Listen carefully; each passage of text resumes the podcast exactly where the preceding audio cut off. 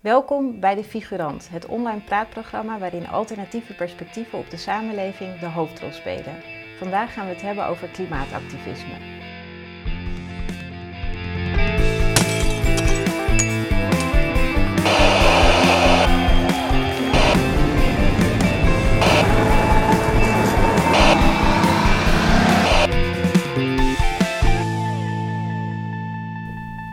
Het gaat slecht met ons milieu. De aarde warmt in rap tempo op en de fossiele brandstoffen raken uitgeput. Het lijkt alsof klimaatverandering een uitzichtloos probleem is. Regeringen doen te weinig om de klimaatdoelen te behalen. En ook al consumeren we bewust, als burgers lijken we niet op te kunnen tegen de impact van de grote industrie. Het is de vraag wat we zelf kunnen doen om het tijd te keren. Ik praat hierover met Harriette Bergman van Code Rood, een nieuw initiatief op het gebied van klimaatactivisme. Welkom Harriette. Um, Harriet. Wat, wat, Harriet, sorry. wat doet Code Rood en hoe is dit initiatief ontstaan? Um, Code Rood is een uh, groeiende groep uh, mensen die collectieve burgerlijke ongehoorzaamheid doet. Dus wat we doen is we breken de wet om eigenlijk alarm te slaan of de samenleving wakker te maken met dit is er gaande en dit kunnen we eraan doen. En wat we eigenlijk proberen is los van dat soort van Heel vaak hebben mensen dat ze zichzelf een soort van schuldig voelen, dat ze mhm. korter douchen, dat ze vegetarisch eten, dat ze denken van ja, ik kan nooit genoeg doen. Mhm. En wij, uh, ja, door het collectief aan te pakken, uh, houden we de mensen die daadwerkelijk verantwoordelijk zijn, verantwoordelijk. En uh, afgelopen zomer hebben we dat gedaan met 350 mensen in de Amsterdamse haven. en hebben we een dag lang daar dingen platgelegd. En wat hebben jullie platgelegd? Um, we zijn de Oba Bulk Terminal binnengegaan. Dus we zijn een heg doorgegaan en uh, vervolgens uh, ja, op de kranen waar de grootste kolenoverslag, uh, de ene grootste kolenoverslag van Europa is. Dat is de Amsterdamse haven. Mm -hmm. En omdat die overslag en de haven zo'n grote rol speelt in de infrastructuur van de fossiele industrie, dachten we door daar het stil te leggen, laten we zien wat Nederlands rol is in uh, deze hele klimaatdestructie. Ja, want dat is een plek waar die kolen dus uh, doorgetransporteerd worden eigenlijk. Ja, dus je moet ja. denken aan bloedkolen uit Colombia, maar er wordt ook diesel vervoerd. Dus het en is wat, eigenlijk... wat zijn bloedkolen? Wat bedoel je daarmee? Uh, bloed, bloedkolen zijn ja, kolen die eigenlijk uit mijnbouw komen, uit hele slechte omstandigheden, waar ja, criminaliteit, moorden, allemaal shit gaande is. Weet je wel, dat is dan op een veilige afstand, ja. want het is niet hier in Nederland. Maar je draagt er wel aan bij door het te vervoeren. Ja. En 350 mensen, dat is veel voor één actie. Hoe hebben jullie zoveel mensen bij elkaar gekregen? Ja, dat is superveel. Nou, ik denk als eerste omdat we de eerste zijn die op deze schaal en op deze soort van laagdrempeligheid voor burgerlijke ongehoorzaamheid dingen organiseert. Dus ik denk dat heel veel mensen iets willen doen tegen klimaatverandering. Maar dat, ja, er waren nog niet dit soort acties in Nederland. Ja. Dus dat dat gewoon heel veel uitmaakt. Dat iedereen eigenlijk iets wil doen. Maar ook door de manier van organiseren, door open te zijn, door duidelijk te maken van nou dit gaan we doen, door mensen te betrekken, word je ook groter. En je zegt laagdrempelig, maar voor mij klinkt het niet echt laag, laagdrempelig. Zo'n grote actie in het havengebied uh, waar je het hek moet openknippen. In, in welke zin uh, maken jullie het laagdrempelig voor mensen om hier aan mee te doen? Um, deels door uh, voorbereiding, door gesprekken, uh, door bij elkaar samen te beslissen wat we gaan doen. Uh, de dagen voor de actie hadden we een klimaatkamp. Dus we mhm. waren al drie dagen daar. Met, uh, we hadden dat we ons eten zelf maakten, dat we actietrainingen hadden. maar ook de hele voorbereiding daar naartoe met informatieavonden, filmvertoningen, actieconferenties. Waar we mhm. samen bespreken van op welke manier gaan we de actie doen. Dat soort dingen maken het makkelijker. Maar tegelijkertijd is het natuurlijk, ja, het is zo laagdrempelig als moedwillig de wet overtreden mhm. kan zijn. Want het is natuurlijk een enorme opoffering die je maakt. Als je zegt, ik ben bereid me te laten oppakken en me een schone strafblad op te geven, omdat ik zie dat de overheid faalt. Dat is natuurlijk een enorme stap. Ja. Dus daar heb je gelijk in. Ja. En jullie hebben het aangekondigd van tevoren. Ja. En wat was de reden om dat te doen?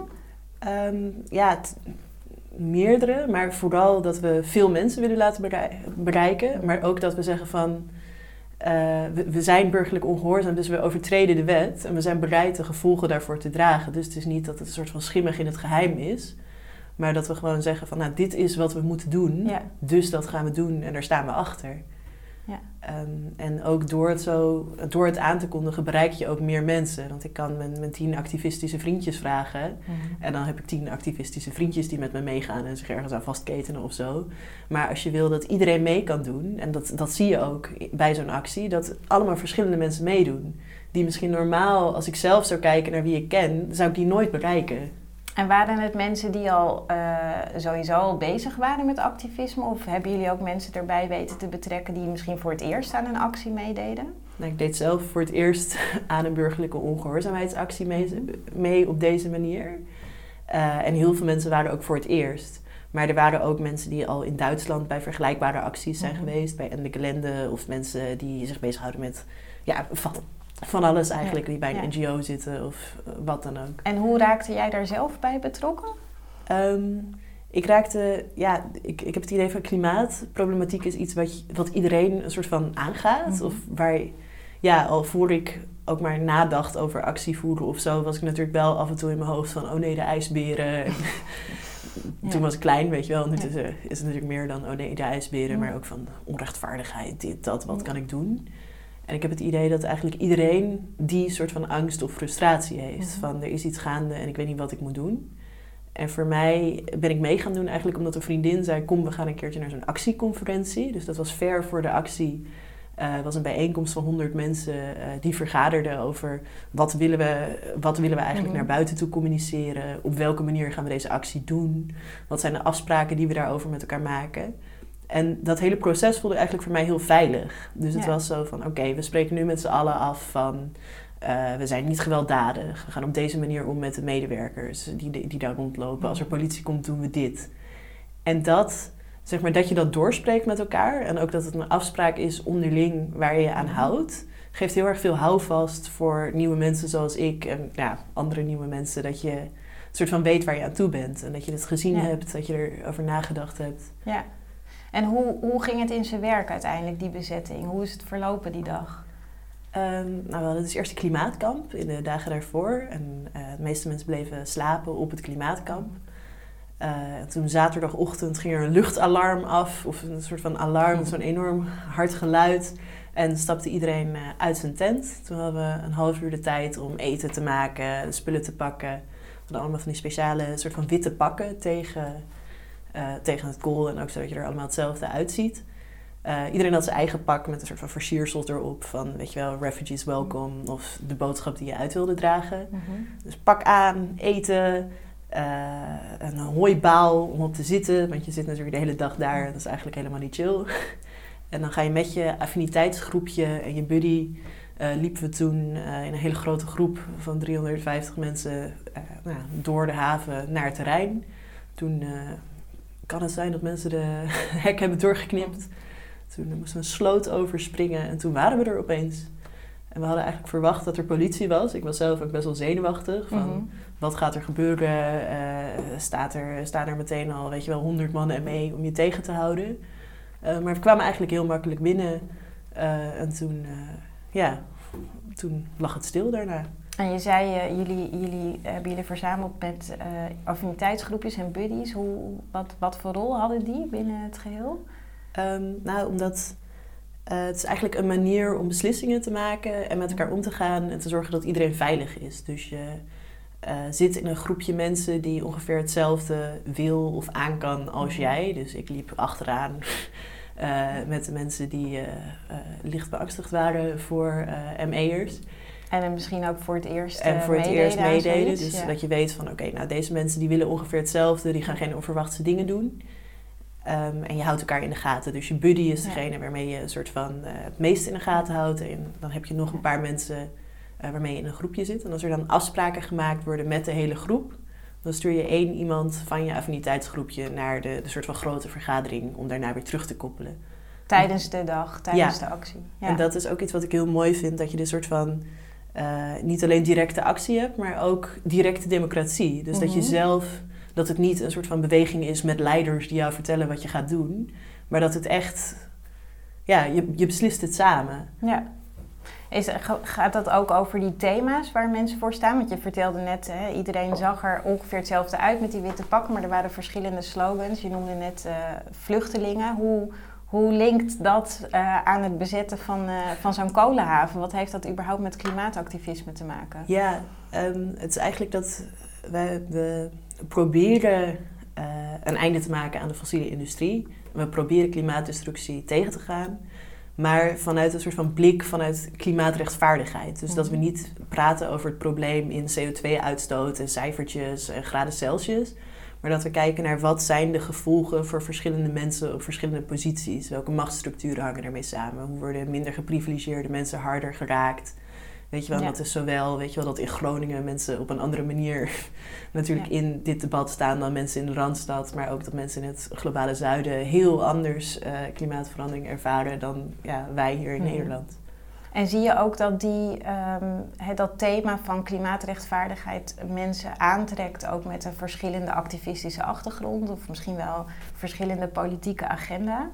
Ja, zeker wel. Je merkt ook dat doordat we uh, dat echt een issue maken, bijvoorbeeld in het uh, klimaatkamp uh, hadden we ook een soort van paneldiscussie over intersectionaliteit en diversiteit.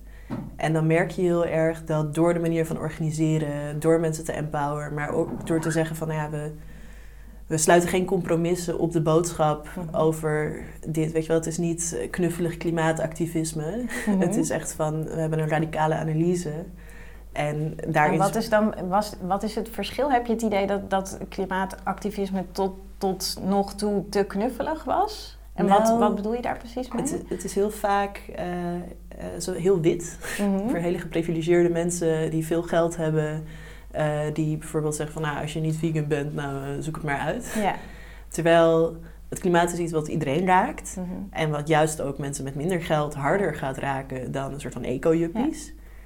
Uh, en om dat te erkennen, ernaar te kijken en ook te kijken naar op welke manier organiseren wij ons, dat we niet een soort van die structuren van dominantie kopiëren in hoe we met elkaar omgaan.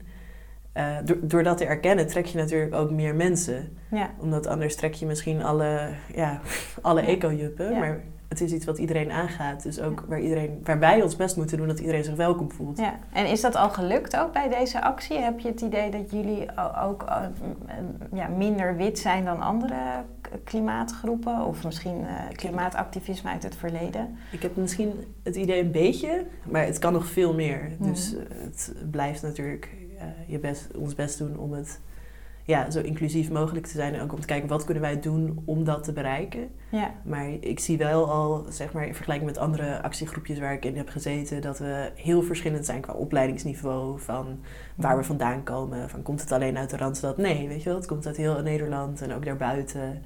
Ja. Uh, dus dat is al in ieder geval dat het veel uh, ja, diverser is dan wat ik gewend ben. Ja. Ja. Ook, weet je wel, diehard. Uh, ja, mensen die heel veel actieervaringen hebben, die zich al veel langer kunnen inzetten voor de goede zaak. Maar ook mensen van NGO's en studenten die voor het eerst er zijn. Dus dat, het is heel erg mooi om te zien dat zoveel mensen zich samen ja, in kunnen zetten. Ja.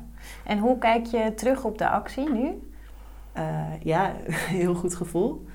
Omdat eigenlijk om samen met een groep iets te doen, geeft een soort van heel veel agency terug die je ja, ik weet niet, het voelt heel erg alsof je geen verschil kan maken of dat het niet uitmaakt of dat je altijd tekort schiet mhm. als het gaat om het klimaatprobleem, omdat het zoiets groots is dat jouw individuele handeling, wat je ook doet, geen verschil kan maken. Mhm. Terwijl als je echt ziet van vandaag ligt het plat, we stonden er met 300 mensen, uh, het is in het nieuws geweest, het wordt alleen maar groter.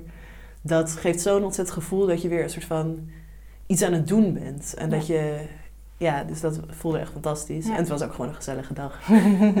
ja, en, en los van, van het gevoel op dat moment en de slagkracht die je dan hebt met z'n 350, wat, wat kan het duurzame, meer lange termijn effect van zo'n bezetting zijn? Want het, het is natuurlijk één dag en dan ga je weer weg. Dus wat, wat hoop je daar uiteindelijk op de lange termijn mee te bereiken? Bij, bij deze actie bij de haven was het heel erg uh, laten zien dat uh, de haven of dat de infrastructuur die je uh, faciliteert, die mogelijk maakt, dat dat ook bijdraagt. Dat is niet neutraal. Mhm. Dus ook al, weet je wel, ook al is Nederland niet direct verantwoordelijk voor bloedkool of direct verantwoordelijk voor de uitstoot die daar komt, doordat ze het faciliteert dat dat gebeurt, speelt ze een belangrijke rol. En na onze actie zag je ook, ik, weet je, ik weet niet of dat aan ons ligt, maar dat stiekem hoop ik dat dan. Mhm. Na onze actie zag je ook dat, uh, naar aanleiding van de COP23, dat er veel meer uh, aandacht was voor de rol die Nederland daarin speelt als facilitator van die infrastructuur. Dus dat is wel iets wat je in het debat kan veranderen. Mhm. En wat ook natuurlijk in, uh, in, de aanloop naar een soort van Rotterdam, waar ook een keuze gemaakt moet worden van wanneer stoppen ze met kool bij die haven, dat dat wel een soort van extra slagkracht geeft aan het initiatief dat daar uh, voor lobbyt. Ja, en is, is het, um, waarom burgerlijke ongehoorzaamheid? Is dat, is dat ook nodig, denk je, om, om dingen uh, in gang te zetten? Of op welke manier is dat nodig? Uh, ja, ik denk dat het noodzakelijk is. um, en vooral omdat we zien dat het bedrijfsleven het niet doet, of veel te langzaam doet. We zien dat de overheid het niet doet. En we zien, we zien de wereld gewoon letterlijk naar de knoppen gaan. Weet je? We, we merken dat het klimaat verandert. En als je op dat moment niks doet, ja, ik, ik zou zeggen van de mensen die gehoorzamen zijn veel gevaarlijker mhm. dan de mensen die de wet breken. Want uiteindelijk de wet is er om te maken dat we een gedeelde wereld hebben waar we kunnen samenleven. En als die wereld kapot gaat doordat we ons aan de wetten houden, dan gaat er duidelijk iets verkeerd. Ja, en um, heb je het idee dat je met die burgerlijke ongehoorzaamheid ook een bepaalde politieke druk kan, uh, kan uitoefenen? Ja, ik denk het zeker. Ik denk dat, uh, weet je wel, wij, wij zijn niet mensen die met de politi politiek gaan onderhandelen. Mm -hmm. uh, maar wij zijn wel mensen die met politici onderhandelen het makkelijker maken voor hun. Ja. Wij zijn de, de radicale partij die het de middenpartij makkelijker maakt. En hoe verhoudt zich wat jullie doen tot wat NGO's doen die aan het lobbyen zijn uh, op het gebied van klimaat en, en milieudefensie of een Greenpeace? Um, ondersteunen die wat jullie doen of zien die het als een, ja, een, een, een radicale stap die ze misschien juist wel in de weg zit in hun uh, lobbypraktijk? Um, nou ja, ik hoop dat ze er blij mee zijn. maar het is Kijk, omdat we het niet namens Greenpeace doen, uh, kunnen, weet je wel, wat mij betreft kunnen NGO's zeggen: we hebben er niks mee te maken, uh, praat met ons als je ja. wil. Maar ik denk wel dat door het op de kaart te zetten, door media-aandacht ervoor te vragen en ook door toch een soort van druk uit te oefenen, want je wil als haven niet dat er dingen een dag plat liggen, ja. uh, dat ze daardoor wel extra slagkracht krijgen.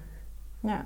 Heb je inspirerende voorbeelden zelf in je hoofd van dit soort bezettingsacties die echt daadwerkelijk effect hebben gehad? Waarvan je denkt, nou dat is hoe wij, uh, wat we uiteindelijk voor elkaar willen krijgen met Code Rood? Ja, ik denk dat eigenlijk geen enkele sociale verandering zonder burgerlijke ongehoorzaamheid is gebeurd. Als het nou uh, van de slavernij tot uh, ja, alles is uiteindelijk door burgerlijke ongehoorzaamheid gekomen.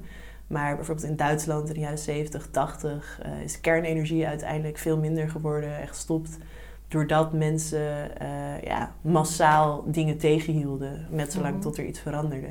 Net in uh, Duitsland is er gestopt met het kappen van een bepaald oerbos, doordat mm -hmm. mensen daar uh, ja, gewoon bleven zitten. En dat werd bezet ook. Ja, ja. ja.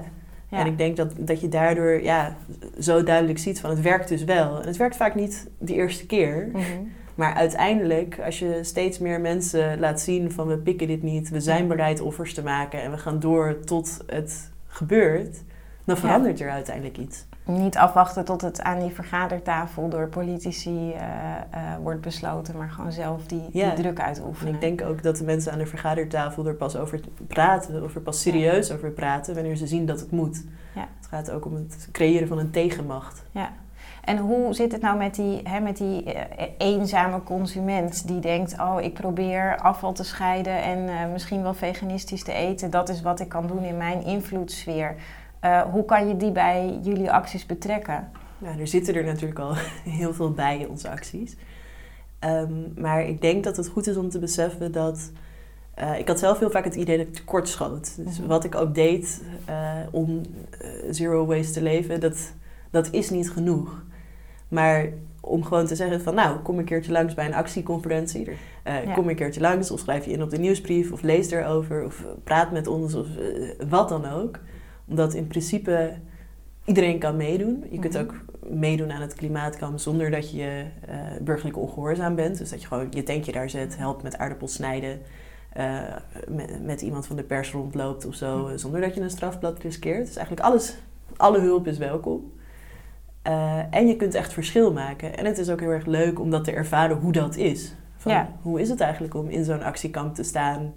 uh, volledig duurzaam te zijn. Uh, een soort van de wereld die je wilt te prefigureren. Ja, dat voelt super fantastisch. Ja, ja. Een soort gemeen, eigenlijk een soort gemeenschap creëren in het klein. Ja.